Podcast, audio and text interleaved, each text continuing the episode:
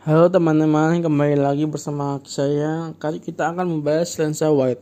Lensa wide ini sering digunakan para fotografer untuk mengeksplorasi landscape, tata kota, arsitektur, dan astrologi fotografi.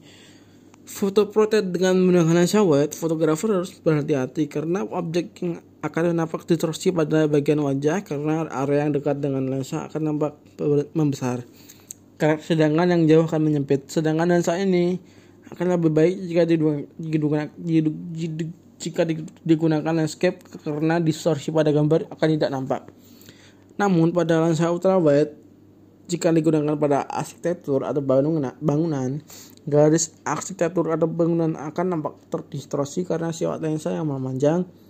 Jenis lensa wide antara lain adalah 124 mm f per 1 1,4 lensa 24 mm bukaan dengan bukaan f per 1,4 rata-rata digunakan